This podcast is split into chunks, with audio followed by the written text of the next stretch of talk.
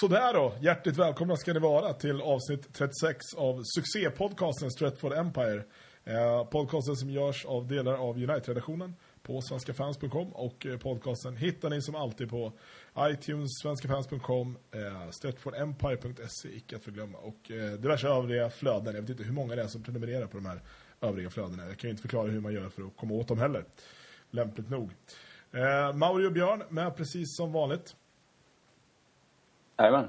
Jajamän, det var på tok för länge sedan det. Mm, ja, det, precis, det blir väldigt roligt när man säger precis som vanligt, som att det här vore något vi gjorde varje vecka. Liksom. Det- ja, I alla fall, nu är vi tillbaka. Det är kul att eh, vi idag fått två liksom, meddelanden på, på Facebook från två av varandra, vad jag vet, helt oberoende personer som har frågat när podcasten kommer tillbaka. Och då var det väldigt skönt att kunna svara att ikväll kommer den tillbaka. Ja, absolut. Och jag har fått meddelanden tidigare också. Så det är skönt att kunna säga det att det är tillbaka. För att folk har saknat oss. Det är. Det är jävligt roligt. Det, det finns ju ingen som oss eh, på alla sätt och vis. Det är det som är så jävla roligt. Varför hör ingen av sig till mig för?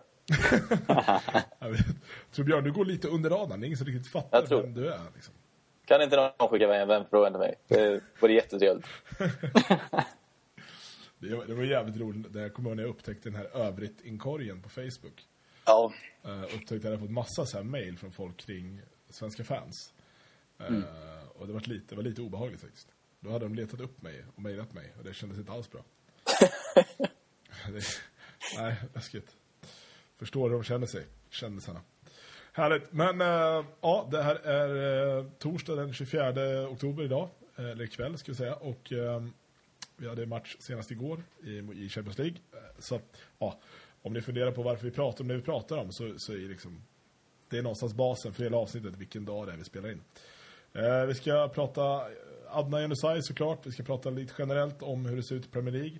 Eh, droppa lite sociala medier, prata Sir Alex och ja, lite allt möjligt. Så att, eh, ja, sitt ner för nu åker vi. Now football is a pleasant game, played in the sun, in the rain, and the team that gets me excited, Manchester United, Manchester, Manchester United, a bunch of bouncing Busby babes, they deserve to be knighted. Men vi ska ju helt klart eh, börja med, eh, vi får väl någonstans kalla honom för säsongens största ljusglimt, eller ljuspunkt hittills, Adnan Januzaj. Den, nu ska vi se så jag säger det här rätt, Kosovo-albansk, nej, den belgiska pojken med Kosovo-albanska föräldrar och turkiska farföräldrar boendes i England sedan 16 års ålder. Jag tror jag satte alla hans nationaliteter där, på ett bräde. Fy fan. Det gjorde du bra i så fall. Ja, nej, men jag är rätt nöjd faktiskt själv. du glömde att säga forna Jugoslavien alltså. Ja, just det. Ja, just det. Så, just det. Hur var det där nu? Kan han spela för Serbien? De säger väl det, både Serbien och Kroatien, jag tror det. Men hans, hans pappa som pratar väldigt mycket hävdar väl att det in, absolut inte är något alternativ. Men jag tror det. Det- Det är lite diffust hela det där regelverket tror jag. Om vi ska börja, börja eh, pratet om, om Januzaj där så, så är det väldigt fascinerande hur, eh, hur man kan bli ett sådant hett transferobjekt på liksom, landslagsmarknaden. Ja, det är ganska intressant att till och med Hodgson har varit inne och liksom säger att han ska vänta på honom om man, om man vill. Liksom. Göra allt för att han ska kunna spela i England snabbt tidigare eller vad det nu var. Tycker det är rätt spännande. Ja, det är ju rätt sjukt. Uh, snudd på bisarrt, för att använda ett överanvänt ord. Men, men det känns ju Ja. väldigt konstigt. Och jag tycker att eh, det, är, det är inte så det ska funka liksom. Men samtidigt ser man inte det så jävla ofta. Jag, eller jag har inte sett det så himla ofta liksom, att talangerna är så multinationella. Nej, så är det. Men alltså just det här att de kan mer eller mindre välja vilket landslag de spelar för. Vi har Mm. klassiska exemplet, det är ju Deco som gick från... Han blev portugisisk medborgare och sen så väntade han. Jag vet inte hur många år det var han inte spelade för, eller var aktuell för landslaget. Men sen så, ja, spelade för Portugals landslag. Sen nu är väl eh, Diego Costa aktuell också. Atletico. Så. Spanien eller Brasilien. Han har väl valt Spanien men... Nej, det, är- det är som Mauri säger, det är inte så mycket... Det är inte så många stora spelare som det snackas om vilka landslag de ska spela för. Men det, jag tror det, det, för, det är väl... Alltså, det förekommer väl ändå typ att Qatar och de, och de här, alltså nere på arabiska halvan, att de tar in liksom de sämre brassarna till sina landslag.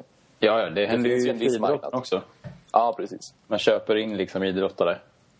Eh, Det är inte om- inte om- omratificerat att damerna gör det också snart. Eh, Är Abeba Aregawi köpt? vet inte. Känsligt ämne. Blir alltid, lite- blir alltid lite obekvämt när det handlar om Sverige. Nej, men vad som är fascinerande alltså, i, i fotbollsrelaterat så är det ju väldigt många, många svenska talanger som sen slår igenom som Ja men eh, Lorentz Sadiko i, i Helsingborg då som inte fick Han tyckte att han skulle spela i svenska A-landslaget liksom, efter en halvbra säsong i Helsingborg eh, Han lackade ur för att han inte var aktuell och han ska väl spela för Albanien nu tror jag Mm. och, och vi har haft flera exempel tidigare på liksom folk som har ja, men valt sina hemländer som, som, eh, som landslaget de representerar. Och det, ja, det är så världen ser ut.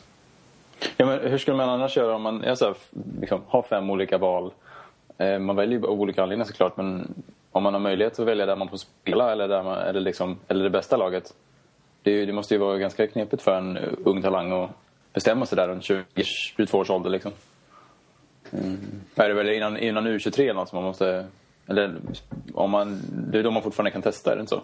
Ja, det är det är ju så länge... Ja, precis. Ja, det, U21 kan man fortfarande liksom spela olika. Det kanske är så. Jag tror det, eller som det är innan. Ja. Men någonting är det. För de reglerna som gäller för, för Adnan för England så handlar det väl om eh, FAs egna regler, va? Då handlar det inte om några Uefa-regler. Nej, det kan nog stämma. Kan nog stämma. Eh, och det var väl det som hans krav av att han skulle vara, ja det är helt sjukt, med 18 år. Ja, Jag, ska ge garanterad speltid och ni ska klippa reglerna för min skull. det är liksom, det, är- det är andemeningen i, i det han och hans pappa har och sagt. Det är, ja. Nej, det är märkligt, det är märkligt. Hur som helst, om vi ska prata lite om fotbollsspelaren då, Annan. Eh, vi hyllade honom, vet jag, efter försäsongen. Och, eh, men sa väl ganska liksom i konsensus någonstans att eh, ja, det är försäsong, det betyder inte så mycket, vi vet inte vad det, vad det faktiskt är. Nu har han spelat ett par matcher i alla fall. Framförallt så gjorde han ju den, den insatsen eh, mot Sunderland. Eh, där han gjorde två mål. Det var den första spelaren som gjorde två mål i sin debut efter Van Nistelrooy. va? Eller om det är bara de två som har gjort det. Något sånt. Eh, hur, eh, hur bra är han? Och vad, vad kan vi liksom förvänta oss av honom under den här säsongen? Jag tycker han är oerhört spännande. Men eh, jag kan inte säga att jag var... Jag, jag minns inte om jag började efter försäsongen. Men eh, vad jag minns när jag såg honom första gången i försäsongen så minns jag att jag inte var så här superimponerad. För att ja, man ska ta det lite med en nypa salt när man ser en ung kille som är lite ambitiös och vill ta sig framåt och dribbla lite. Liksom. Ehm, det har man sett folk att göra och sen inte komma så mycket längre än så. Ehm, men när det väl eh, visar sig att han har fått spela mer och mer och nu när framförallt han har kommit in i in i A-laget eller liksom fått spela från start till och med i Premier League. Det, då visar han verkligen vad han går för. Ehm, jag tycker han har en uh, oerhörd blick för spelet och en oerhörd liksom, inställning till spelet som, som jag tror kan bära honom väldigt, väldigt långt. Ehm, och jag drar paralleller lite grann till Ronaldo ibland. Ehm, inte till kroppsbyggnaden kanske, men, men till sättet han spelar och eh, inställningen till spelet på något sätt. Där. Fin, eh, ska man säga, fin motoriken är, är, är grym på honom. Verkligen teknik som, som inte duger. Sen får han lära sig av Ronaldo för att han inte ska liksom, fastna eller kanske glida in på något stjärn liksom, glans som, som styr honom och tapp, han tappar för tidigt. Men eh, jag tror väldigt mycket på honom och han kan, han kan utvecklas sjukt mycket den här första säsongen, det tror jag.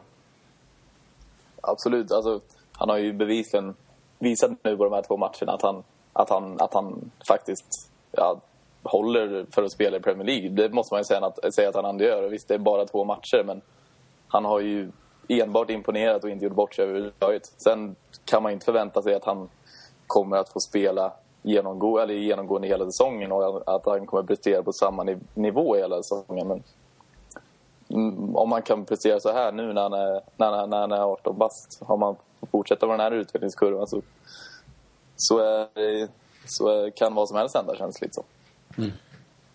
Jag har fått en liten känsla av att, eh, baserat på vad jag läst på, på forum och sådär. Det är, jag tycker inte att det finns någon risk för att Janusaj verkar vara en person som får hybris. Däremot så verkar alla fans ha fullständig hybris. Så blir, det väl, så blir det väl alltid. Det blev väl hybris när, när Mercedes slog igenom också. Eller när han slog igenom, när han gjorde mål. Men jag tycker ändå att det finns mer, mer, mer fog för det nu med Janusaj än vad det, fanns, vad, det, vad det fanns då. Men jag förstår ju absolut vad du menar. Det är ju, man, man kan ju inte någonstans man kan inte någonstans förutsätta att han kommer att bli en Premier League-stjärna redan nu. Men det ser ut som att han har goda möjligheter att bli det. För jag tänker, han, han hoppade in mot West Bromwich. Eh, uh, då kom han in i paus. En match som var ganska, ganska dålig, uh, för att uttrycka det milt. Och då vet jag, då, då skapade han ingenting. Det var när han kom in och så höll han på att ge bort ett mål direkt och sådär. Jag har känt att hade han inte haft den, gjort den insats han gjorde i matchen efter sen mot Sunderland så hade, hade ingen direkt brytt sig om hans, kontrakt, hans kontraktssituation på samma sätt som det blev. Ehm, rent förhandlingsmässigt så var den matchen det bästa som kunde hända honom och förmodligen hans pappa också som jag kan tänka mig fick en hyfsad stor kaka i bakgrunden. Ehm, men det var han ju värd, säkert. Om vi tar hans eh, kontrakt eh, kontraktsnack då egentligen. Det var, det var ju så här, om man har förstått rätt så var det väl så att det fanns en deal klar i våras redan. Men den var baserad på att Sir Alex Ferguson skulle vara manager nästa säsong. Det jag tänker lite är, om det nu var så att den var klar i våras. Ferguson var ju liksom, hade ju bestämt sig i december någon gång för att han skulle sluta. Hur kommer det sig att man inte hade signat det liksom innan? Varför vänt, skulle man vänta? Fick de reda på det tidigare än... Förstår ni vart jag vill komma? Det är konstigt att man säger att det fanns någonting klart under våren som, och som sen liksom hängdes av på grund av Fergusons liksom, ja, avgång, om man säga. Det låter orimligt när det, om Ferguson var inblandad, liksom, vilket man, antar, man kan anta att han var. Ja, just Att han skulle ha signat något kontrakt som handlade om att det skulle liksom försvinna när han försvinner. För att han visste att han skulle försvinna. Så det, Ja, det håller verkligen om. Jätteskumt.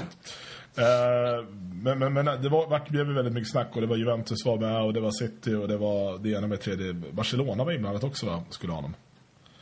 Eh, men eh, det stannade till 2018. Eh, får netta 40 000 pund per vecka. Och då snackar vi alltså om en, en 18-åring som har gjort, ja vadå, 140-150 minuter i Premier League. Eh, är det rimligt? Ja, det är ju ungefär 10 gånger så mycket, eller om inte mer, kanske 30-40 gånger så mycket man kanske brukar få som ung talang. Liksom. Men det kändes för mig som att det var lite statement från Uniteds sida. Man var tvungen att visa att man kan behålla de här talangerna också. Um, det är därför, men, men sen är det trist, trist att det ska handla om pengar. För man borde kunna vara stor som klubb, men det verkar ju vara som att man tappar lite där. Så då var man väl tvungen att punga ut lite den här gången. Mot de andra. Så det är, eller jag, tycker, det, det är allt, jag tycker alltid det är svårt att diskutera fotbollsspelares löner för de är ju så orimliga så det finns inte. Men eh, i det här sammanhanget blir det ju extra, extra bisarrt. Just för att han, jag tror att han tidigare tjänade tusen pund i veckan eller någonting. Och det kan man ju tycka lite. Å andra sidan är det där vad jag får ja, i bidrag av staten på en månad. Ehm, så att, alltså, jag vet, så man kan ju ställa sig vad ska, vad ska, ja, ni får ursäkta mig, snorungen göra med pengarna egentligen? 40 000 pund i veckan, det är helt orimligt. Men å andra sidan, det är ingen idé att diskutera den sidan av fotbollen. Eh, om, man ser, om man ser på det sättet, om man, om man om tre år har, har utvecklats till en riktigt bra fotbollsspelare och har en lön på 40 000 kronor i veckan, i, eller 40 000 pund i veckan i United, då är det rätt okej ändå. Ja, just det. Ja, som, lång, som framtidsinvestering, absolut. just det. Men menar, hans kontrakt, om han nu lyckas på det sättet som alla tror att han ska lyckas, då har ju han ett nytt kontrakt nästa säsong också. Ja, troligtvis. Ja. Nej, det är fascinerande. Han tjänar väl i princip vad två sjuksköterskor gör på ett år. Det Om man är någonstans där. Om man drar den riktigt långt. Eh, å andra sidan, så, till hans försvar ska jag säga att jag betalar hellre honom 40 000 pund i veckan än vad jag skulle betala eh, både Pogba och Morrison 40 000 pund i veckan. Ja, absolut. Ja. Alla dagar i veckan. Ja, Alltså, maken till en sympatisk fotbollsspelare var nog länge sedan som jag liksom stötte på. Han verkar ju inte vara någon eh, buse på något sätt. Han är liksom en sån eh, bara en glad kille som gillar att spela fotboll som det ser ut. Och eh, sen så skäms han inte för att säga att han ska bli bäst i världen. Det är ju också kul på något sätt. Visa ambition liksom och. Alltså, han, han är ju blyg, han är ju blyg men ändå- framfusig på något sätt. Det är Mm. jävligt, det är en spännande kombination som båda gott på något sätt. Oerhört seriös. Oerhört Ja. seriös. Det verkar så. Det känns som att han är ganska tråkig också. Ja. Nej, Han, är inte, han är inte mittpunkten på festen liksom. Nej, nej, det tror jag inte. Han kanske, lirar, han kanske sjunger karaoke, men jag är inte säker. Min känsla. Alltså det, det går, dit går det kanske sådär, gör, i skymundan liksom. Ja, Ska se sen när han har varit med på den första julfesten, då är han förstörd. Ja, det är det, det är det som är risken, det är jag rädd för. Ja, så, länge, så länge Johnny Evans är kvar så kan det hända vad som helst på julfest. Det sett förut. Fan, det borde man ju läsa på lite om hur, hur Evertons julfester har varit. Det har vi dålig koll på. Ja, just det. Kan inte minnas att jag läste att det var någon jätteskandal. Ingen, ingen Johan Mjällby stod och pissade i korridoren som när han spelade i Celtic. Ja, fan. Those were the days. Those were the days. Härligt. Vi eh, ser fram emot Genocide såklart. Vad, eh, om, om man ser så här. Slut närmsta tio matcherna. Han är helt eh, fit. Han, eh, inga känningar eller någonting. Vad, hur mycket ska han matchas? Ska han spela varje match från start så länge han är hel? Ska han spelas varannan, var tredje? Alltså, förstår ni vart jag vill komma? Ska man göra Sterling och spela honom hela tiden? Eller ska man fasa in honom liksom, lugnt och fint? Nej, jag tycker inte att man ska spela honom hela tiden. Han, framförallt har vi andra spelare som också behöver speltid. Eh, Kagawa behöver definitivt det. Och, och annat som, som, som behöver, också behöver matchas in. Så att jag tycker väl någonstans var, var tredje match kanske, något där så kan få lite rotation på det.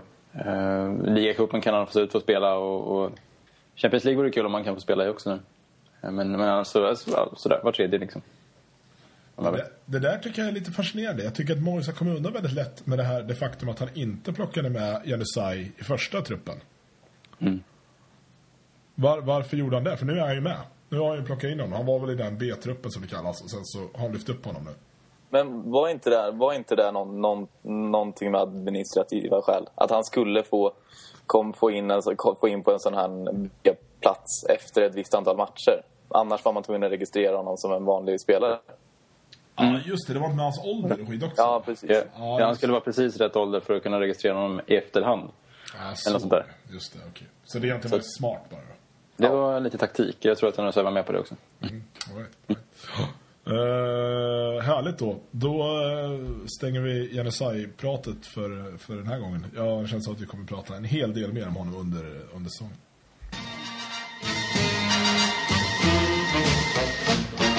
Det var ju så här va, att för, nu ska vi se, det är två dagar sedan så var det en eh, presskonferens i, i London, om jag inte har uppfattat det helt fel, där Sir Alex presenterade sin eh, biografi.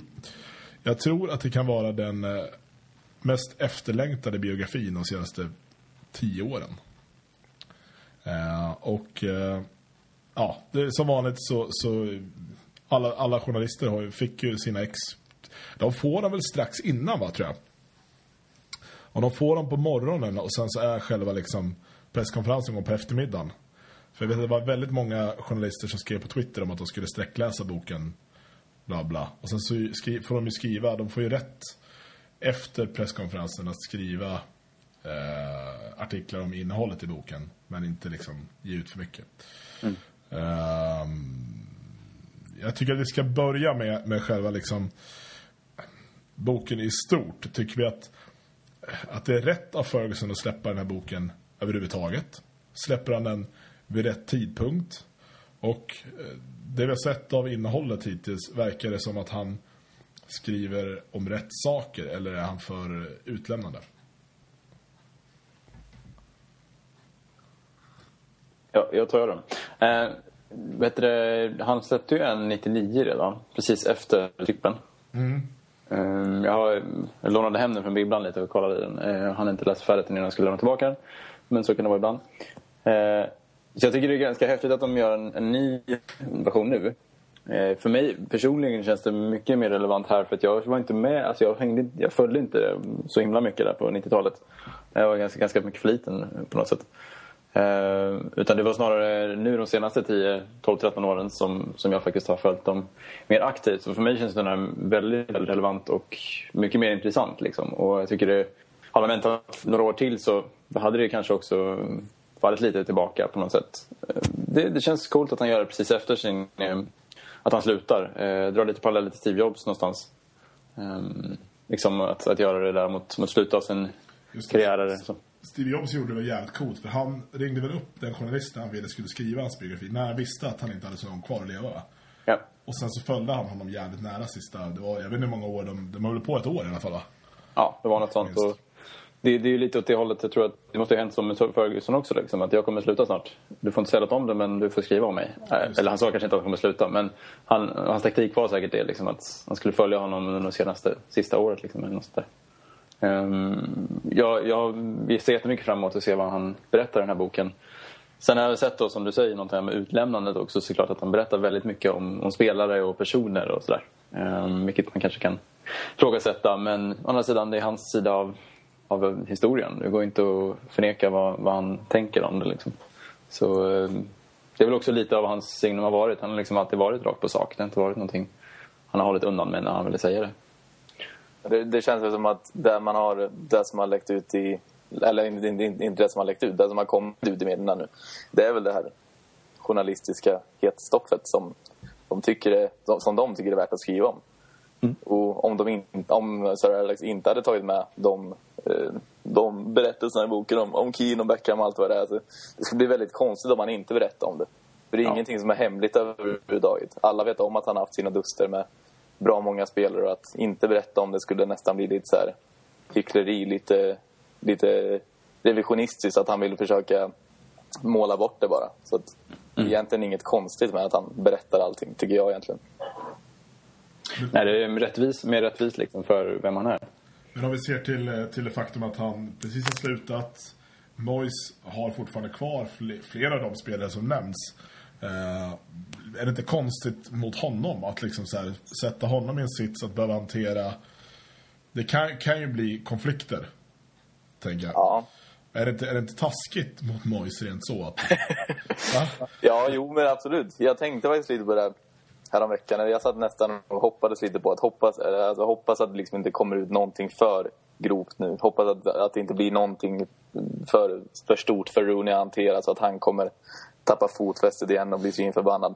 Nu verkar han hantera det bra, men eh, alltså, det skulle kännas, om vi tar just fallet Rooney, det skulle vara konstigt om man inte skrev om Rooney heller. Då skulle det nästan bli misstänksamt som att nu försöker de dölja någonting. Mm. Kan jag tycka. Så det är väl egentligen... Nej, jag vet inte. Just i fallet Rooney i alla fall tycker jag kanske att det var lika bra att lägga de flesta korten på bordet. Ja. får man hoppas att de är mogna nog att förstå att det är mellan Ferguson och dem, Ferguson och dem, inte klubben och dem. Liksom. Ja, precis. Att, inte, att de inte låter det störa dem i, i sitt liksom, professionella yrke som fotbollsspelare. Men han var väl ännu, nu har jag så här, inte läst boken, jag har bara läst uh, Aftonbladet, Rackarns-tidningen. Men han var väl ändå hyfsat, hyfsat mild i sitt omdöme mot Rooney, vad jag förstod det som. Ja, jag fick ju känslan av att han eh, var ganska liksom, eh, jag vet inte hur man ska förklara det, men att han ändå var diplomatisk. Det var, fanns ja. ingen ilska liksom i det han skrev, utan att det mer var bara så här, så här var det. Ja. Eh, och det kändes inte som att det var, liksom, han var ute efter att, att kasta skit på honom på något sätt. Vilket man kan liksom ändå känna att det hade han ju kunnat gjort utan problem. Ja. Eh, så nej, men det, det, det kan jag hålla med om. Däremot så, så, som vi har pratat om tidigare, men Wayne Rooney är ju kanske den mest ointelligenta spelaren efter Ashley Young. Eh, som, som spelar på den här nivån. Och eh, ja, han, han skulle ju kunna tagit det helt fel oavsett vad det stod. Men det verkar ju som sagt som att han har tagit det bra. Han, han var ute och dementerade någon del och sådär. Men, eh, men, men det vart inte så... Jag tror att tidningarna ville få det till mer drama än vad det kanske var. Det är väl tur att den kommer lite så när Rooney har lugnat ner sig. För det verkar som att han har det när, sen han har fått jobba med Moyes nu, senaste tiden. Mm, mm. Hade det kommit där när han var, han var som mest liksom, grinig så, så hade det verkligen kunnat bli andra grejer det är ändå fascinerande, kommer jag att tänka på nu, att för två veckor sedan så var vi på väg in i ett landslagsuppehåll. Men, men, men, han väntar tills ligan startar om igen och, och det hela cirkusen. Hade man inte kunnat bara skjuta liksom tillbaka ett par veckor så hade det kunnat kommit när liksom inte hade när United var på semester någonstans. Jag vet inte. Jag vet inte. Uh, vi ska vila lite på, på Keen som vi nämnde. Keen och Beckham får väl kanske de, de största sågningarna. Eh, vad... Eh, är de värda det, så ska jag säga? Var, var det rimligt? Alltså, jag kan inte säga... Ja, jag vet inte. Alltså, som sagt, det, det, det, mest, det mycket som har kommit fram är väl känt sedan tidigare. Och ja, jo, jag, ja, ja, jag vet fan inte. Det var, det var ett jättebra svar, Björn. Ja, jag vet. Jag vet. Jag sitter och funderar på hur jag ska städa upp det här. Ja, jag, jag, jag tänker framförallt kanske på liksom så här, men med Beckham så såg han honom för att han ville egentligen bara bli känd. Och allt förändrades så fort han blev kär i, i eh, Victoria. Victoria, varför la jag på det? Victoria heter. Vad fan ska jag hålla på sådär för? Eh, ja, nej, men att det liksom spår ur och han, han berätt, det, var, det tyckte jag var lite konstigt. Han skriver om att han inte fattar varför han gick till LA Galaxy, varför han inte var kvar i Real Madrid. Det, det borde han egentligen ge fan i, för det... Äh, jag vet inte, men ska han prata om honom efter att han liksom lämnade? Äh, det- Jag förstår lite vad du är inne på faktiskt. Såklart att det blir liksom så himla långt gå tillbaka och prata om gamla, gamla grejer. Men det är ju samtidigt en, en, en bild av hur Ferguson jobbade då, liksom hans utveckling och hur han har utvecklat spelare eller så. Eh, Sen, eh, blir det kanske, kanske ska stanna i Beckhams geografi i så fall om det handlar om honom för mycket. Men, men eh, ja, jag är lite kluven där som sagt också. Det finns både och. Ja, det är märkligt. Men Roy Keane, då, honom måste vi i alla fall prata om. Eh, vi, har, vi har ju eh, en i, i redaktionen som förbehållslöst hyllar Roy Keane. Jag har ju tappat all respekt för karln fullständigt. Eh, och, och han får ju ganska mycket skit. Och eh, då är det väl liksom, vad, vad tycker vi om att Roy Keane sågas? Känns det, känns det okej? Jag tycker att det känns okej. Jag, jag vill ju egentligen fortfarande gilla Roy Keane, men jag kan inte riktigt göra det. Eller precis som, som du säger. Han har gjort bort sig allt för många gånger. Alltså det, nej, jag, vet inte, han, jag, jag tycker verkligen att han är värd, världen mesta skiten han får. Han är framförallt en sån typ av person som ska kunna ta skit också. Det verkar ju som att Ferguson framförallt lyfter upp, eller vad jag har sett så lyfter han upp just att han pratade mycket. Alltså han kunde, sin, han tunga var liksom vass som fan och kunde prata ner någon, vem som helst eh, om man ville det. Liksom. Han kunde förödmjuka någon spelare så att de liksom tappade helt fokus på planen eller i spelargången eller vad det kunde vara. Eh, och då, alltså, en sån eh, person kanske, han vill kanske ge igen lite vad säga sådana saker. Liksom. Och Kane borde ju kunna ta det som sagt. Andemeningen tycker jag i allt som jag läst om det han skriver om. Det blir ju jätteroligt när vi sitter och refererar artiklar som har läst, läst en bok som vi inte har läst den. Eh, andemeningen tycker jag känns lite ändå som att alla var typ rädd, rädda för Roy Keane. Att det var liksom så här, han bara satte skräck i alla. Och det var, det var så, management by fear till nästa nivå liksom någonstans. Just det.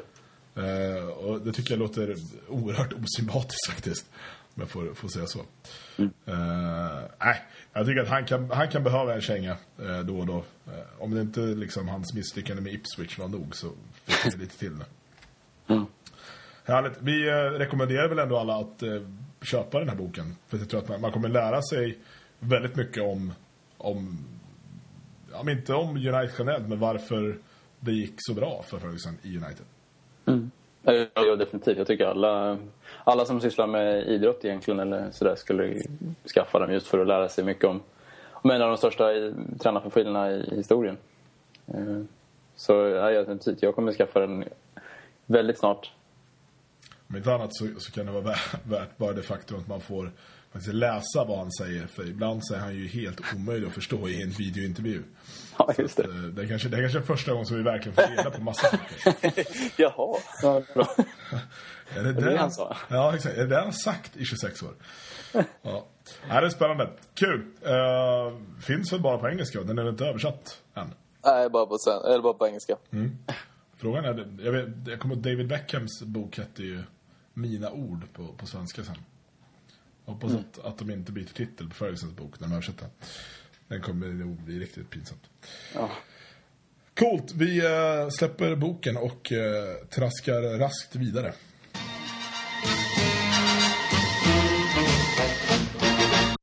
Så, då ska vi eh, prata om det som kanske betyder allra mest för oss allihop och det är Premier League. Och just i denna sekund så har vi fått in en gäst i programmet. Det här är lite som om vi hade en talkshow och det bara gled in någon efter reklamen snabbt. eh, Henrik, välkommen! Tack så mycket. Är ni Skavlan nu då, eller? Ja, precis. Fan, jag är så jävla trött på hans dialekt, eller vad säger man? Brytning bara, så det är inte riktigt om jag vill jämföra med honom. Du slår på normen helt enkelt, säg det bara. Ja, generellt Norge är ju inte någon favorit på något sätt faktiskt. Jag gillade Björn Rosengren sa han sa att det var den sista kommuniststaten. Han trodde att kameran var. Ja, nog om Norge. Nu blir det politiskt här i Ja, det Ja, det har vi det inte var ju alls. Skavlan också i veckan. Så. Ja, precis. Jag tror inte alls vi har tillräckligt många sympatier för att vi, eller liksom lyssnare för att vi ska kunna välja sympatier så politiskt så att vi släpper det.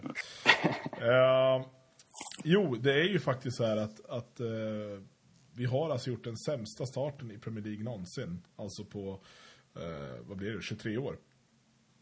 Och eh, ja, alltså toppen, det börjar bli tungt uppåt. Och eh, ändå så är det ganska många som, som pratar om att vi har chans att vinna. Ferguson sa det ju nu senast till exempel, att vi fortfarande har chans att vinna. Om, ni- om ni kollar på framförallt topplagen då. Eh, vart, vart står vi rent truppmässigt, men även liksom det vi har presterat spelmässigt i år? Alltså, jag vill ju inte tro... Eller jag försöker ju vara någorlunda, någorlunda optimistisk.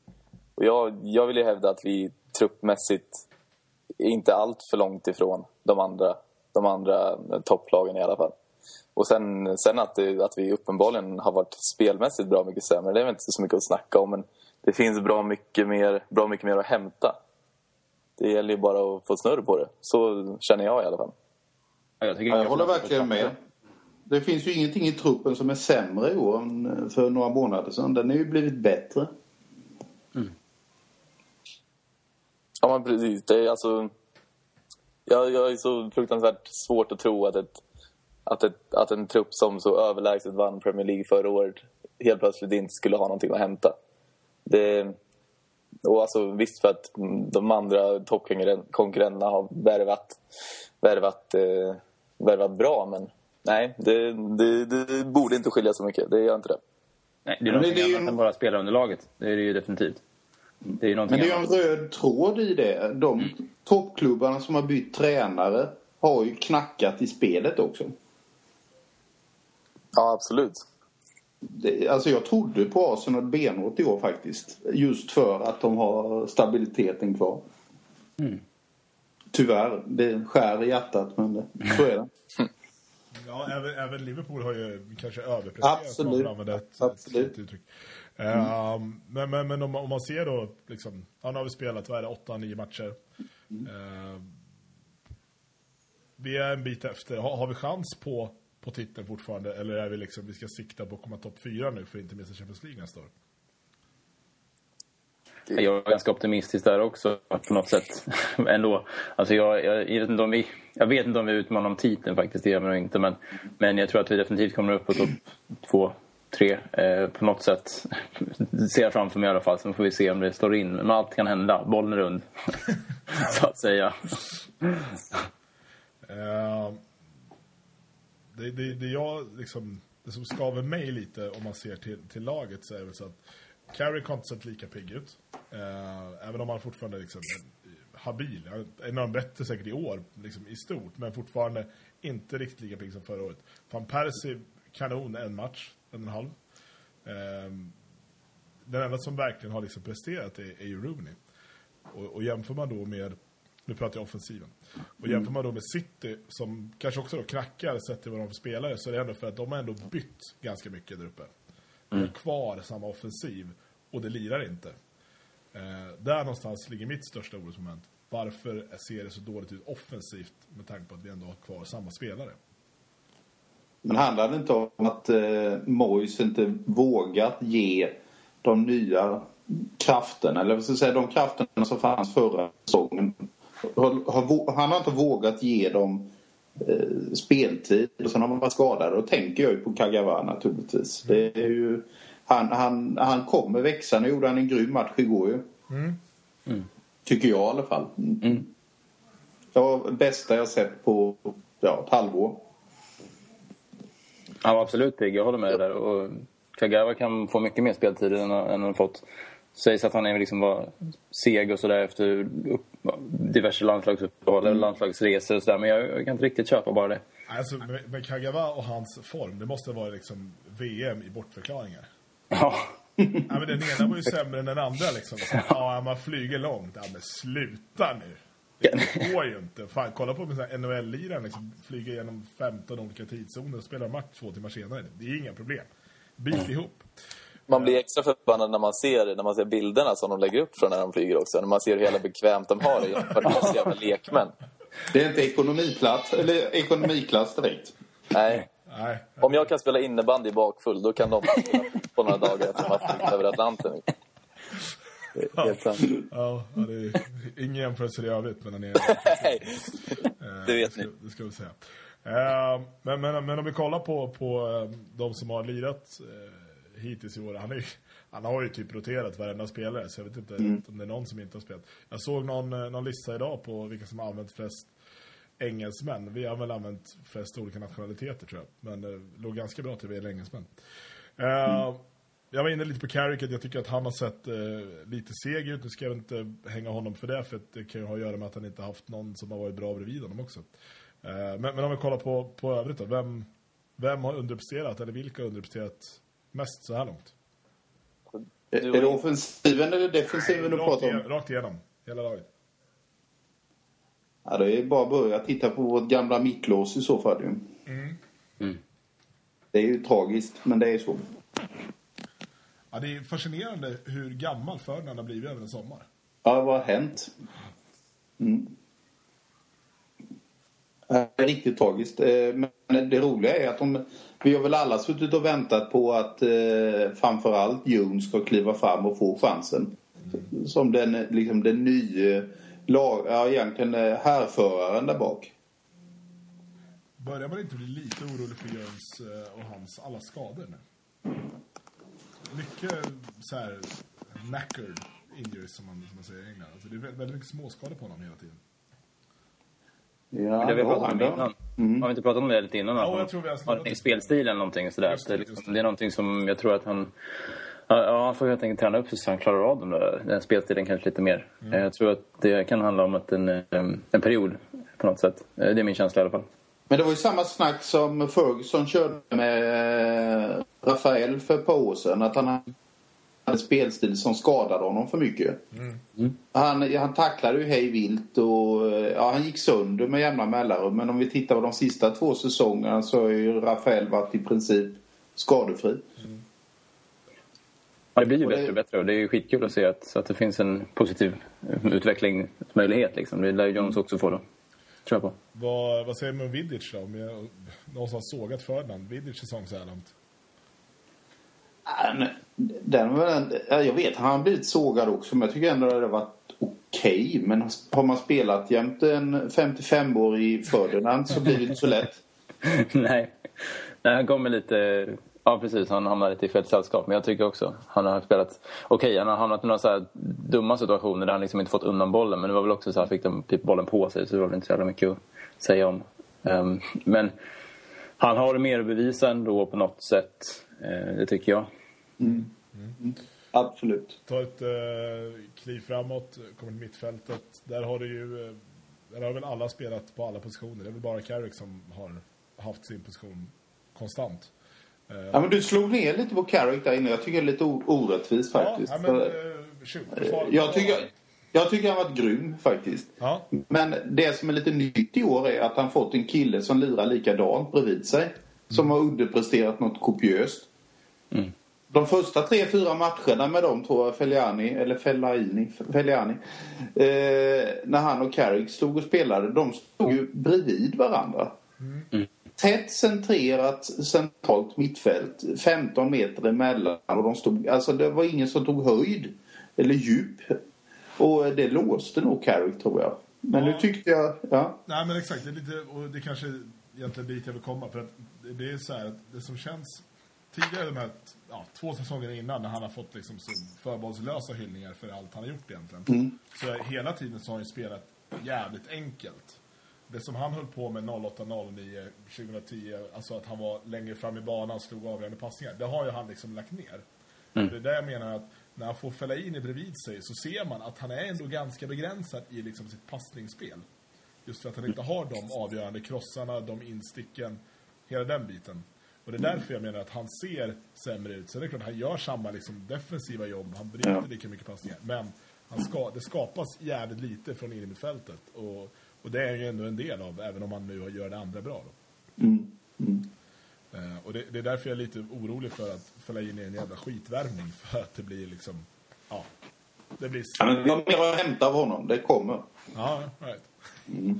Men är det inte lite så man kunde spela var- eller då liksom? Om, man verkar vara samma speltyp som Carrick, att han kan spela liksom, att de kan rotera. Men det är kanske är lite synd men, men då, eh, då är det ju, alltså, för, alltså ja, då är det en ganska tråkig värvning det, också. är två, 270, det är ändå 270 miljoner liksom. Ja. Nej, men det är det jag ville fram till. De har ju hamnat bredvid varandra. De ska ju inte spela likadant. Jag har ju inte värvat eh, Fellaini för att spela bredvid. Nej. Utan han ska ju upp i banan. Precis. Eh, Kalle Karlsson, Sportbladets eh, Ja. skribent, han lanserade ju en, en eh, tanke i senaste blogginlägget där om att United skulle börja spela 4-1-4-1. Ja. Eh, det låter ju ändå som en, en bra jävla kompromiss. Tänk, och, och tänk er att liksom, Carrick är den som är sittande. Och sen Ja. har du då någonstans Fellaini, Kagawa eller Fellaini, Rooney. Kagawa, Rooney. Alltså där kan vi dribbla lite friare då på ja, men någonstans fyra spelare som kan rotera på tre platser. För alla de siffrorna vi pratar om när vi tittar United blir ju... Alltså det är en skrö, det är liksom en, vad ska vi säga, det, det låter fånigt att säga att siffror inte betyder någonting. Men så länge vi har Rooney så betyder siffrorna ingenting. Han spelar ju på alla platserna. Ja, exakt. exakt. Mm. Eh, Och, mm. Men, men, men det, det jag känner att anledningen till att det ser ut som det gör är just för att, alltså just det här att det händer inte så mycket framåt, skapar inte så många bra lägen. För det ska man i ärlighetens namn säga att Mm. vi gör lite mål, men vi har fan inte så mycket chanser heller. Det är, liksom, det är inte så att vi dunkar ribban 15 gånger per match. Nej. Eh, och det tycker jag att någonstans hittar jag i att de får jävligt konstiga direktiv. Alltså det känns som att, ja men då när Fellaini och Carrick spelar, då verkar det inte finnas någon tydlig rollfördelning däremellan. Nej, är liksom, Ja, jag håller med. ni två är sittande och sen så ska ni bara se till att det är stängt bakåt. Det Mm. är lite hängsen och livrem i onödan. För det är ändå liksom, kvaliteten finns där för att inte behöva ha det. Men det tycker jag ändå att man såg, man såg igår när Carrick fick, fick agera själv på innermittfältet. Mer eller mindre. Det blev ju en mycket, det blev mycket större mobilitet. Alltså, i- igår var ju första matchen på länge som United faktiskt skapade mycket chanser.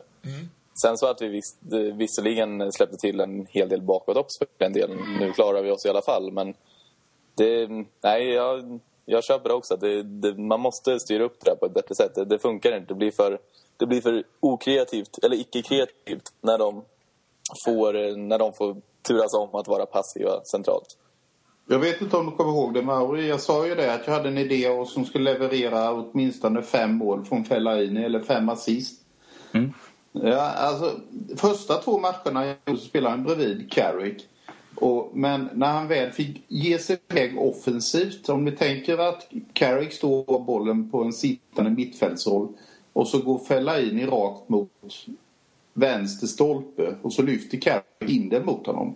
Fantastisk skarvmöjlighet mot ett sittande försvar. Liksom. Lyfta den över backarna och sen en två och en halv meter lång belgare som kan skarva vidare där. Det, är ju, det var ett magiskt anfall. Och oerhört enkelt. Det kommer trycka ner backlinjen något totalt. Så där tror jag att en, en klarare rollfördelning mellan Carrick och Fellaini där. Där Fellaini måste få gå offensivt. Ja, men hans längd måste aldrig Det verkligen kommer, det kommer leverera målchanser. Absolut.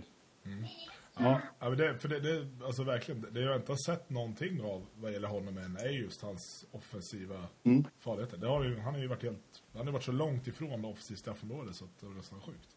Eh, så det, det håller jag helt med. Vi kollar på våra yttrar då. Uh, United Signum, som Ja. gått lite i stå. Kan man säga så? Ja. Eh, Valencia såg bra ut igår. Rätt Absolut. fel, men, men mycket bra. Eh, Ashley Young kom in och missade ett guldläge för att han var rädd om tårna. Nani var inte inblandad igår överhuvudtaget va? Nej. Eh, men vad, vad, vad ser vi liksom? Hur, hur ska vi använda de här människorna? För nu, nu kommer ju Janusaj in där. Eh, Kagawa används där ute. Det är, liksom, det är fem spelare som alla kräver nog ganska mycket speltid. Vad, eh, vad är lösningen och vem, vem ska bort? För någon måste bort. Säg. Vi har svaret. Det måste vara Young. Ja. ja, det har jag sagt länge. Eller jag har tänkt länge i alla fall. Fan. Ja, honom har jag tröttnat på väldigt mycket. Eh, han lever inte alls upp till det han skulle kunna göra. Utan det, är, det är ju Valencia, Nani, Kagawa och Janusaj tror jag som det Mm. liksom handlar om. Men det är ju inga Ferguson-yttrar, någon av dem. Ja, utom Valencia då i så fall. Ja, men, ja jo, absolut, det, stämmer. De andra tycker om att gå inåt. Och de bör göra det också. De är ju riktigt fria spelare som gillar den här fria rollen. Ja, jag menar ser vi, ser vi på hur, hur um, Moyes hade det i Everton så, så han ju liksom... Baines var ju mer yttermittfältare än vad var ytterback stundtals. Eh, så det, det låter ju rimligt. Ja, eh, vi får, får se hur det blir helt enkelt. Vi ska prata lite om, eh, om kontrakten här också, med tanke på att vi ändå håller på att diskutera truppen. Eh, Evra gick ju ut i en intervju och berättade att han skulle lämna. Jag vet, det kändes lite som att han gjorde det av ren ilska bara i farten när han pratade om allt annat som var fel med fransk fotboll. Eh, han, en rant som är bland det värre jag har hört faktiskt någonsin. Eh, men vi kan väl börja med honom. Om han försvinner efter säsongen, är det rimligt eller är det fruktansvärt? Eller vad, vad känner vi? Vi har ju pratat ganska mycket om Evra i och med silly season-snacket med Baines. här, Men, men eh, om vi ändå nu, nu när vi vet att det förmodligen är över, vad känner vi för det? Det är väl nästa, ja det blir till sommaren egentligen men då, det känns ju som att det, är, mm, han hade kunnat få spela något år till men, men han är ju på, på gång att vara klar på något sätt. Jag tycker väl, det är synd att man skulle sakna den spelstilen han har som bara springer ner till kortlinjen liksom. Ja. Eh, det, det gör han jävligt bra men eh, det har väl också, han har väl också gjort sitt på något sätt. Sen får den ersätta det, det är väl nästa steg men Men det är ju som du säger att det gäller ju att se ytterbackarna som yttermittfältare. Och ska vi ha två sittande mittfältare, det är ju Fellaini och Carrick. Då måste vi ha någon som är riktigt offensiv. Och det är både Evra och Rafael på andra sidan. Mm. Så, nej, jag, jag, jag gillar Evra. Ja, det är bra. Det gör vi, det gör vi allihop här i alla fall. Det är väldigt många som inte gör det. Uh, Vidic och Fernand då. Det är kanske de två mest kritiska kontrakten som är på väg att, att gå ut här.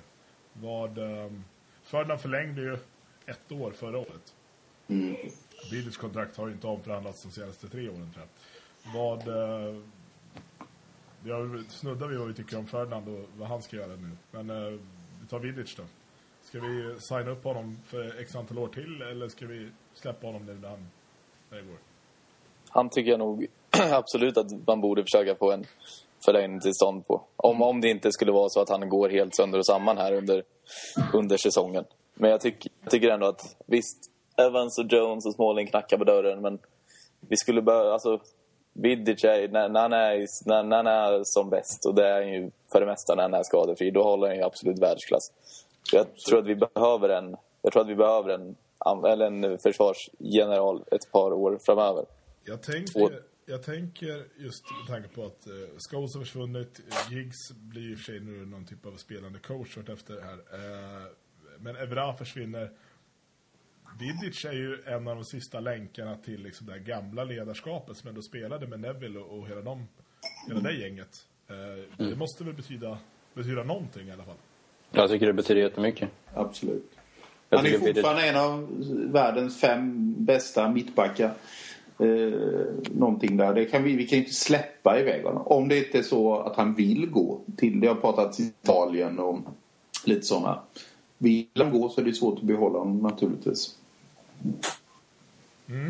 Eh, ja, nej, vi hoppas på att han blir kvar. Uh, Ja. Janusaj förlängt klart. Carrick uh, ryktades om häromdagen att det var på gång med nytt två år. Uh, Giggs som sagt, han, uh, han lär väl tacka för sig nu va? Man kan väl tycka att det är dags va? Ja, det känns så. Nu har han ändå fått en annan roll också, så hela, den grejen Ja. är spikad liksom. Mm. Och det, ja, jag, jag känner att så här, han kan spela liksom var femte, var sjunde match och vara liksom skaplig. Sen kan han hålla på med sina isbad och, och allt fan man håller på med. Eh, Fabio däremot är ju ett litet större frågetecken. Mm. För det är ju ändå någonstans... Vad, vad, ja. Evra försvinner. Kan Fabio kliva in? Nej, jag, tyck, jag tycker i så Nej, precis. Jag tycker i så fall att alltså, om man verkligen vill satsa på Fabio då måste han, då måste han få alltså en, ett gäng chanser i år att bevisa sig. Ja, För det känns ju som att om när Evra väl försvinner så kan vi inte bara stå där med Fabio och Byttner. jag håller med. Om de inte är in, alltså framförallt med Byttner. Men, eh, Reserven bakom Evra ska ju inte vara Bytner den här säsongen. Det måste Nej. vara Fabio. ja, precis. Ja, ja. Och då får han 15-20 matcher kanske med lite flyt. Så att uh, Fabio sign him up helt enkelt. Ja. Kul! Då eh, går vi vidare. Nu ska vi prata om något så hett som sociala medier. Bara en sån sak. Eh, hett för fem år sedan kanske. Hur som helst. Eh, United lanserade ju sitt officiella Twitterkonto typ så här tre år efter alla andra gjorde det. Det var ju nu inför säsongen. Och då tänkte jag att ni ska få chansen här att betygsätta United. Dels på Facebook och, och Twitter. Så jag tänkte att vi tar ett helhetsgrepp på hela, hela den karusellen.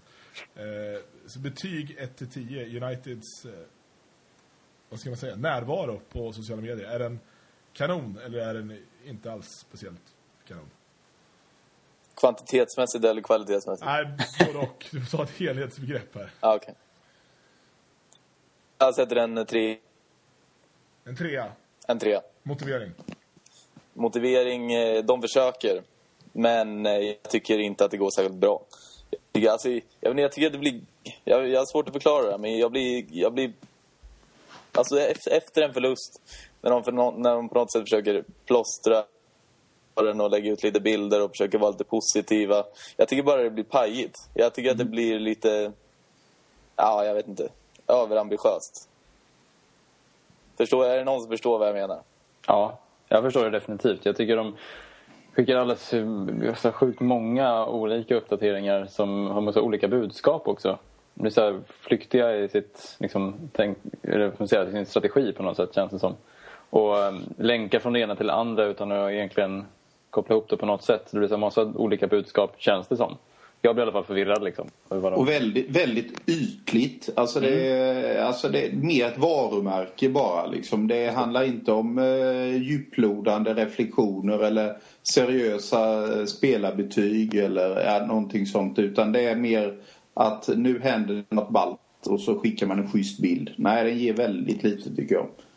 Väldigt lite. Så, nej, inte, inte ens en trea. Så jag har sökt. Vad, vad finns officiella appen? Vad är den? Eh, går man runt och tittar på de andra stora så kan man få betala en 50-lapp för Liverpools officiella eller vad det nu är. Uniteds, vad är den? Mm. Det är för att de inte har någonting att lägga in i den just nu. Alltså. Det är ju det som saknas. Alltså. De här exklusiva grejerna de ska få in och intervjuer och tankar från spelare och, och tränare. Det är det i så fall de ska få in. Mm. De har ju haft eh, några väldigt märkliga sådana hashtags-uppmaningar och grejer. Ehm, men men nu, det senaste som de har kört senare på var ju vad heter det? Robbo, Brian Robsons eh, vandring upp på Kilimanjaro eller vart fan det är han ska upp någonstans. Eh, också oerhört ointressant. Men, eh, det är väl för, för liksom, the greater cause någonstans. Eh, nej, jag tycker de är helt patetiska. Eh, jag har gjort någon typ av undersökningar och de, de snittar alltså 30 tweets per dag. Jag vet inte riktigt vilken dag de gick om mina tweets som har haft Twitter hur länge som helst. Men med jävla asen, det tog väl en vecka så hade de twittrat mer än vad jag har gjort någonsin. Eh, jag tycker det är helt sjukt. Eh, och, och det stör mig något oerhört för jag tycker det är så onödigt och liksom men jag tror att någonstans så, det här är ju bara liksom ett resultat av det som hela vad ska man säga fotbollseliten i Sverige slåss mot den här moderna fotbollen som man pratar om. Eh, den är, eh, det här är liksom ja, personifieringen, om man kan använda det uttrycket, av, eh, av den moderna fotbollen. Och det är ju jävligt ointressant. Och det stör mig. Men det De vi vill ha är väl egentligen då lite aktuella. Det är United Unplugged helt enkelt. Precis, som Zlatan. Tänker- Ja, precis. Vi vill ha en Unplugged. Nej, men det, alltså, det, få lite mer. Det är ju samma sak med liksom, alltså, intervjuer när man hittar på hemsidan. Det är också så här, det är så jävla mycket klichéer och bara liksom Mm. dödfött innehåll. Eh, Det vore jävligt fräckt om man liksom kunde bjuda på, på lite mer saker. Men det om vi tar det faktum vi har, de har en träning om året som är öppen för, för fans. Liksom, Okej, men då kan ni visa upp det ni vill visa upp, fast lite mer i alla fall. Alltså, inte, du behöver inte känna att vi är där, men gör det så, liksom, så nära som möjligt. Eh, för nu blir det blir liksom bara en ännu större distans till hela klubben. Men, ja, nej, jag tycker inte om det. Och just det faktum att när det går dåligt, att man inte liksom vågar ja, men någonstans gå ut och prata om det. Alltså ta det då. Istället så blir det liksom, som, som du var inne på Björn, att man, liksom, man lägger ut någon, någon kul bild. Och kolla, Andy Cole var på läktaren ikväll, det var väl roligt. Men nej, det var inte så jävla kul. Vi fick stryk, mot West Bromwich, hur jävla kul kan det bli med Andy Cole på läktaren? Där någonstans. Sen behöver man inte gå så långt som Bayern och be om ursäkt för att man får stryk mot Ljungskile. Men, eh, men man kan i alla fall liksom någonstans försöka möta fansens ilska. Eh, ja, nej, bedrövligt. Skärpning. Och eh, jag vet jag lovar, det sitter säkert 15 pers och jobbar med den här skiten. Ja. Och så Har ingen strategi? Det är det som är det tråkiga. Nej, och Mauri. Mauri, du känns ju lite som en sociala medier-guru. Ja, jag skulle nog kunna rätta upp det där lite grann. Om de bara frågar mig. Ja, men verkligen. Fan, vi får ju göra ett öppet meddelande till Uniteds liksom, marknadsföringsredaktion. Men, ja, alltså de har ju inte tänkt överhuvudtaget vad de vill med den här jävla satsningen. De gör ju bara för att, oh, nej, vi måste vara på sociala medier. Hur gör vi? Ja, men vi slänger ut lite meddelanden och de nyheter vi har, de slänger vi ut där också. Eh, Okej. Men vänta, det, det handlar inte om envägskommunikation bara. Ja. Så det är lite mörk, mörkare att tro att... eh, Jag vet, jag vet inte. Ja, jag är rädd för att de liksom inte tar det på allvar och det är det som är tråkigt. Ja, det här, nu har de ju twittrat ut att Higginbottom har uttalat sig om eh, Uniteds eh, försvarare just nu. Och det är så här, det, jag vill inte ens se den intervjun för den är ju så ointressant. Man vet ju vad han kommer prata om. Så ge oss. Det fan, var med Ferguson och signa böcker och liksom filma honom. Lägg ut gärna wine på Ferguson. Det vore coolt. Men, nej, inte ens det får vi. Nej, bedrövligt. Eh, gör om, gör rätt.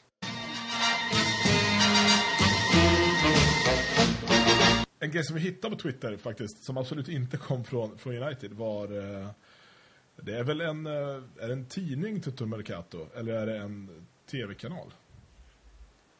Tidning, kanske. Nyhetskanal på något sätt på det sättet att det är en alltså internetflöde liksom, har jag förstått det som. Det finns en Vi säger att det är ett webbversion. mediehus, det ligger i tiden. Ja, det är Bra. att jämföra med Schibsted och MTG då, givetvis. Eh, men de har i alla fall gjort en, sammanställt en lista på de största talangerna, typ, i, i, eh, i Europa. Och eh, de 40 har de väl rankat från födda 93 och eh, yngre. Och United har en spelare med och det är Adnan Januzaj. Ehm, känns det som att det är liksom Ja, men en spelare på de 40 bästa, det det är OK, eller? Nej, Ja, det, det är det inte okej. känns som vi borde vara med på fler på listan, men... Eh, det är Alltså, som rimligt att, på något att, sätt kan som man att vi borde ha, som att fler borde vara med. Äh, Menar ni att en, alltså en dålig lista eller att vi borde ha bättre talanger? Helt Jag menar det, det senare. Att vi borde ha fler än så på, på Ja. listan, men att vi, jag tror inte att vi har det. Nej, och det är fascinerande med tanke på hur, hur många som gärna hyllar vårt uh, ungdomslag och ja, vårt youth-team, att de är så fruktansvärt bra. Och du vet, den ena med den tredje kommer bli bäst i världen och ja, Ryan Thundercliff kommer vinna guldskon. Eh, Men problemen är väl att de har haft dem. Det är bara att de lirar inte United längre. ja, precis, för Pogba finns ju med på listan till exempel. Ja. Ja, Men det- det är ju inte- Bolson, alltså- är han med där? Jag kommer inte ihåg riktigt. Nej, han är inte. Nej, han är inte med. Det är, alltså, det är å andra sidan inte ett problem bara för United. Det är ett problem i stort för Premier League om man, om man nu ska utgå från den här listan. Mm, Det, är ju bara, det är väl bara tre stycken från Premier League med om jag inte minns fel. Precis. Och dess, dessutom är det ju inte en enda engelsman med. det, Nej, kan man, det, det är inte så jävla konstigt. Men...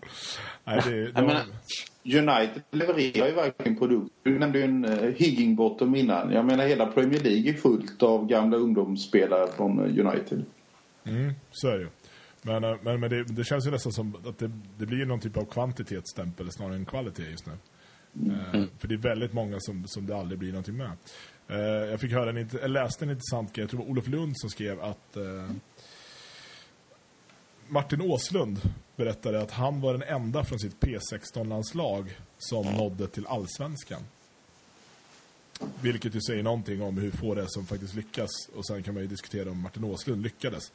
Eh, det, det är en annan podcast. Men, men jag menar, det, det, jag tror att vi är jävligt snabba i, i, eh, inom United-kretsar just på grund av hela Class of 92-eran. Att vi liksom tror så jävla mycket om våra egna talanger. Trots att de inte har någon relation med hela det gänget. Ja, men får jag säga emot dig nu? Absolut. Ja, men gör det. Eh, jag tycker ju... Alltså, när Moyes tog över så blev jag förbaskat glad. För han kommer ju satsa på the United way. Vi har ju kanske inte födda 93 men alltså... Jag tänker ofta tillbaka, vrid tillbaka klockan 10 år när vi började spela in Darren Fletcher. Jag undrade vad fasen byter han ut Beckham för? Sätt in den där tomten där. Jag begrep ingenting. Och sen helt plötsligt var Fletcher en av Eh, de matnyttigaste mittfältarna i Premier League. Och jag, jag, jag, jag kopplar ihop Fletchers utveckling med Cleverleys för tillfället. Eh, förra året imponerade han inte jättemycket men han växer och växer och växer och eh, kämpar något otroligt. Och personifierar ju the United way liksom. J- Jätteviktigt tycker jag att de här spelarna får komma in i truppen. De som kom kanske i 17-18 års åldern och nu kanske är 23 istället eller något i den stilen. Jag gillar det benhårt och jag tror eh, Moyes kommer köra vidare på det. Det har han ju faktiskt visat också. Men då ska vi egentligen se det också då. Hur, hur, hur ska man tänka? Ska man värva fler yngre spelare? Jag menar Fletcher var 14 när han kom till United. Ska man värva fler 14-15-åringar eller ska man gå vägen som vi gjort med typ Smalling, Phil Jones som vi värvar när de är 18-19 och redan har liksom breakat en gång i Premier League? Bra fråga. Tycker jag också var en bra fråga. Men jag, jag, ehm, det, det måste ju handla om om man tror att man kan fostra dem på något sätt. Alltså, det har man väl försökt med vissa som har stuckit sen ändå. Eh, tagit dem tidigt alltså. Och liksom försöka hålla dem kvar och bilda dem i en United way. Liksom. Men, men att de visar sig att de drar ändå för att de söker annat. Eh, då kanske det är lite vassare att hitta de här talangerna som vill iväg från deras akademier till United. Då. Kanske- Men jag vet inte om ni har sett de här. Det har varit lite äh, grejer på Twitter och sånt där. När man folk egentligen har börjat kritisera Ferguson. Så, eh, som eh, orsaken till att vi idag har eh, problematik på mittfältet. Att man inte lyckades spela in Pogba. Vi lyckades inte plocka in, ja nu vet jag inte hur bra Ravel Morrison skulle bli, det vet jag inte. Men vi tappade en av eh, världens mest lovande centrala mittfältare. Men vi lyckades spela vidare Gigs och schools ett par säsonger extra. Eh, Är det, eh, är det Fergusons fel? Mm. Ja, nej, man, jag tycker man kan säga det ännu större. Det är väl liksom så här fotbollsvärldens fel. Att, att en sån spelare som Pogba faktiskt kan bli lovad guld och gröna skogar och, eh, och ta det liksom. Ehm, det är ju ganska sjukt att Juventus kan gå in och säga att en, han var 19 då, när han, han stack. Eh, att ja, men hos oss kommer du att spela si så här mycket. Och du får, framförallt så fick han ju den lönen han fick. Och det är ju egentligen exakt vad vi har gjort med Janusaj nu. Vi har ju köpt kvar honom. Eh, och det är klart att det fanns en taktik i att Moyes spelade honom så här tidigt. Visst att de andra underpresterat, men jag tror aldrig att Ferguson hade gjort, tagit det beslutet som, som Moyes gjorde. Och det, det, det har visat sig vara rätt såklart. Så det ska han ju hyllas för. Eh, men, men jag menar, det är där... Jag, jag tycker att Pogba-soppan tycker jag är mer liksom smutsig än, än, eh, än vad den är liksom Fergusons misslyckande. Du förstår. Så att, Mm. nej, det, det är lurigt. Eh, och jag tror väl inte att någon, inte ens Conte, hade kunnat tro att Pogba skulle ha ett sånt genomslag som han faktiskt har haft. Eh, så att, mm, jag vet inte. Jag, jag är... Eh, ja, jag tycker det är konstigt. Sen tycker jag kanske så här lite halvtrist att värva när man värvar Phil Jones, när man värvar Smalling så är det lite tråkigt rent liksom för ligans skull. För då blir det verkligen det här liksom stora stygga vargen kommer in och plockar de talangerna som faktiskt är intressanta i andra klubbar som inte är riktigt lika bra. Och få sitta på bänk i United. Exakt, ja, men det hade kanske varit coolt att se Smalling två år till i Fulham. Eller ja, Jones ett år till i, i, i Blackburn. Vi har, vi har ingen aning om vad det hade blivit om de, om de liksom hade varit kvar. Eh, så att, ja, det är en svår balansgång. Sen blir det jävligt dyrt att köpa sådana spelare också. Ehm, Ja, men det har väl handlat om att de ville köpa dem innan någon annan hinner ta dem. ja, precis. Och det är Ferguson försökt göra hela tiden. Det, det är ju, det är ju en- ett av problemen i transfer, liksom, livet. säga. Att man måste vara snabbare än de andra. Det är alltid jävligt svårt att värva sig unga killar. Jag läste, det var Niva som skrev om det här att eh, Spurs var och kollade på, på Sterling redan liksom flera år innan han väl hamnade i Liverpool.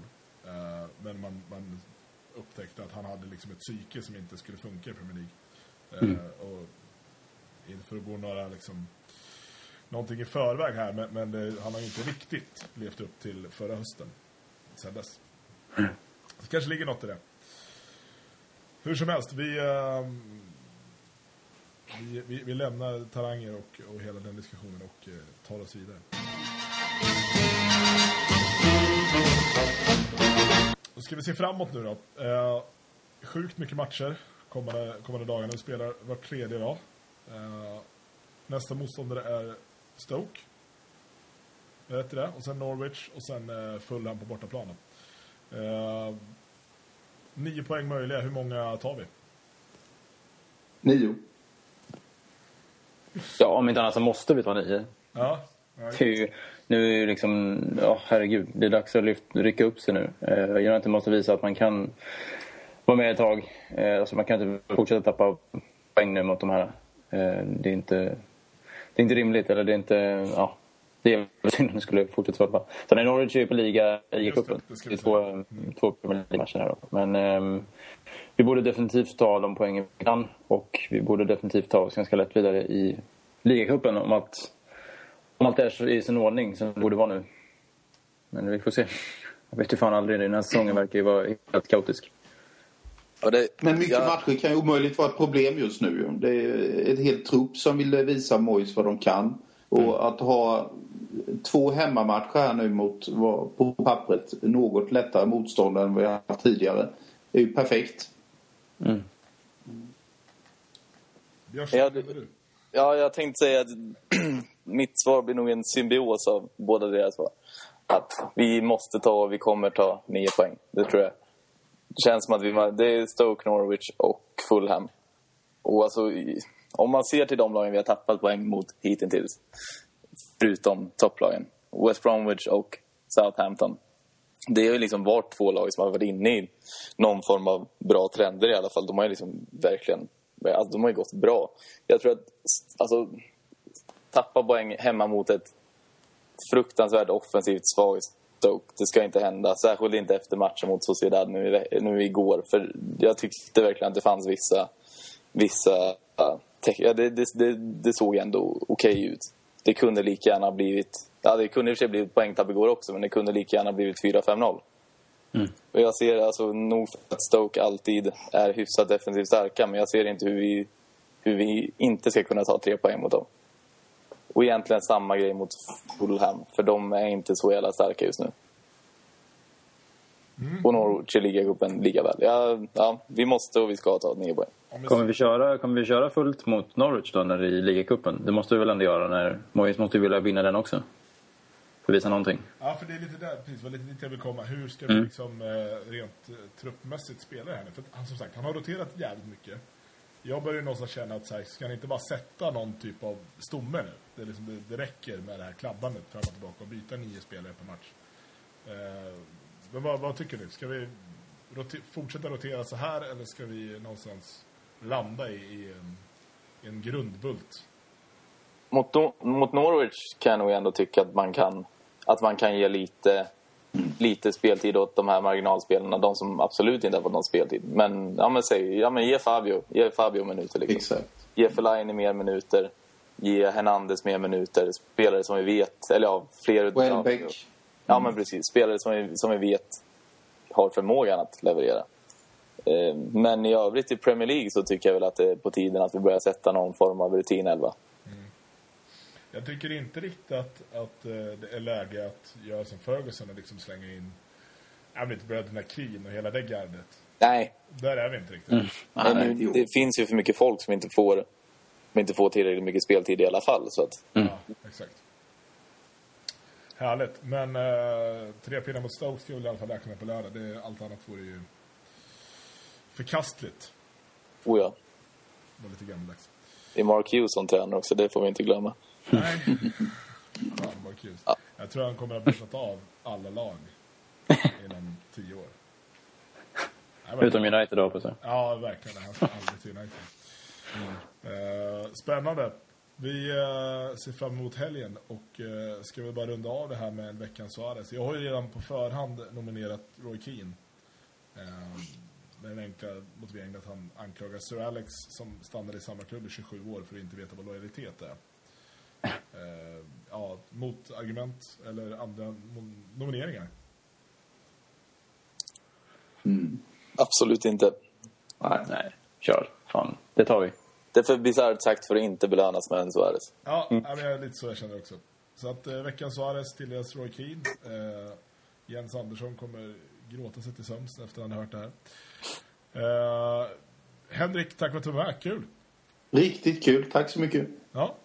Eh, och eh, ni andra, det, ja, det är ett nöje som vanligt. Absolut. Ja. Och ni som lyssnar som vanligt, hör av er kommentarer, mail, twitter, allt ni vill. Ni vet vart vi finns eh, på både stratfordempire.se och eh, via våra vanliga privata Twitteradresser. Eh, Skriv gärna till Björn, han behöver... Ja, absolut. Jag tänkte precis flika in med det. Ja, behöver känna, stöd. jag tror du behöver känna lite att du finns ibland, Björn. Ja, faktiskt. Bekräftelse att folk vet om dig. Ja, Vi vet att du finns, Björn. skönt att höra. För oss är det Kan sova i natt också? Vi kanske ska lägga in den låten här, du vet väl om att du är värdefull. När Sanna, Björn, mår bra. Härligt. Vi eh, hoppas att vi hörs nästa vecka. Ja. Det får vi fan se till ordna. Våra scheman ska tillåta det. Grymt. Eh, kör järnet så, så tar vi tre poäng på lördag. Ha det. Hej. Absolut. Hej. Tack, hej. Tack, tack.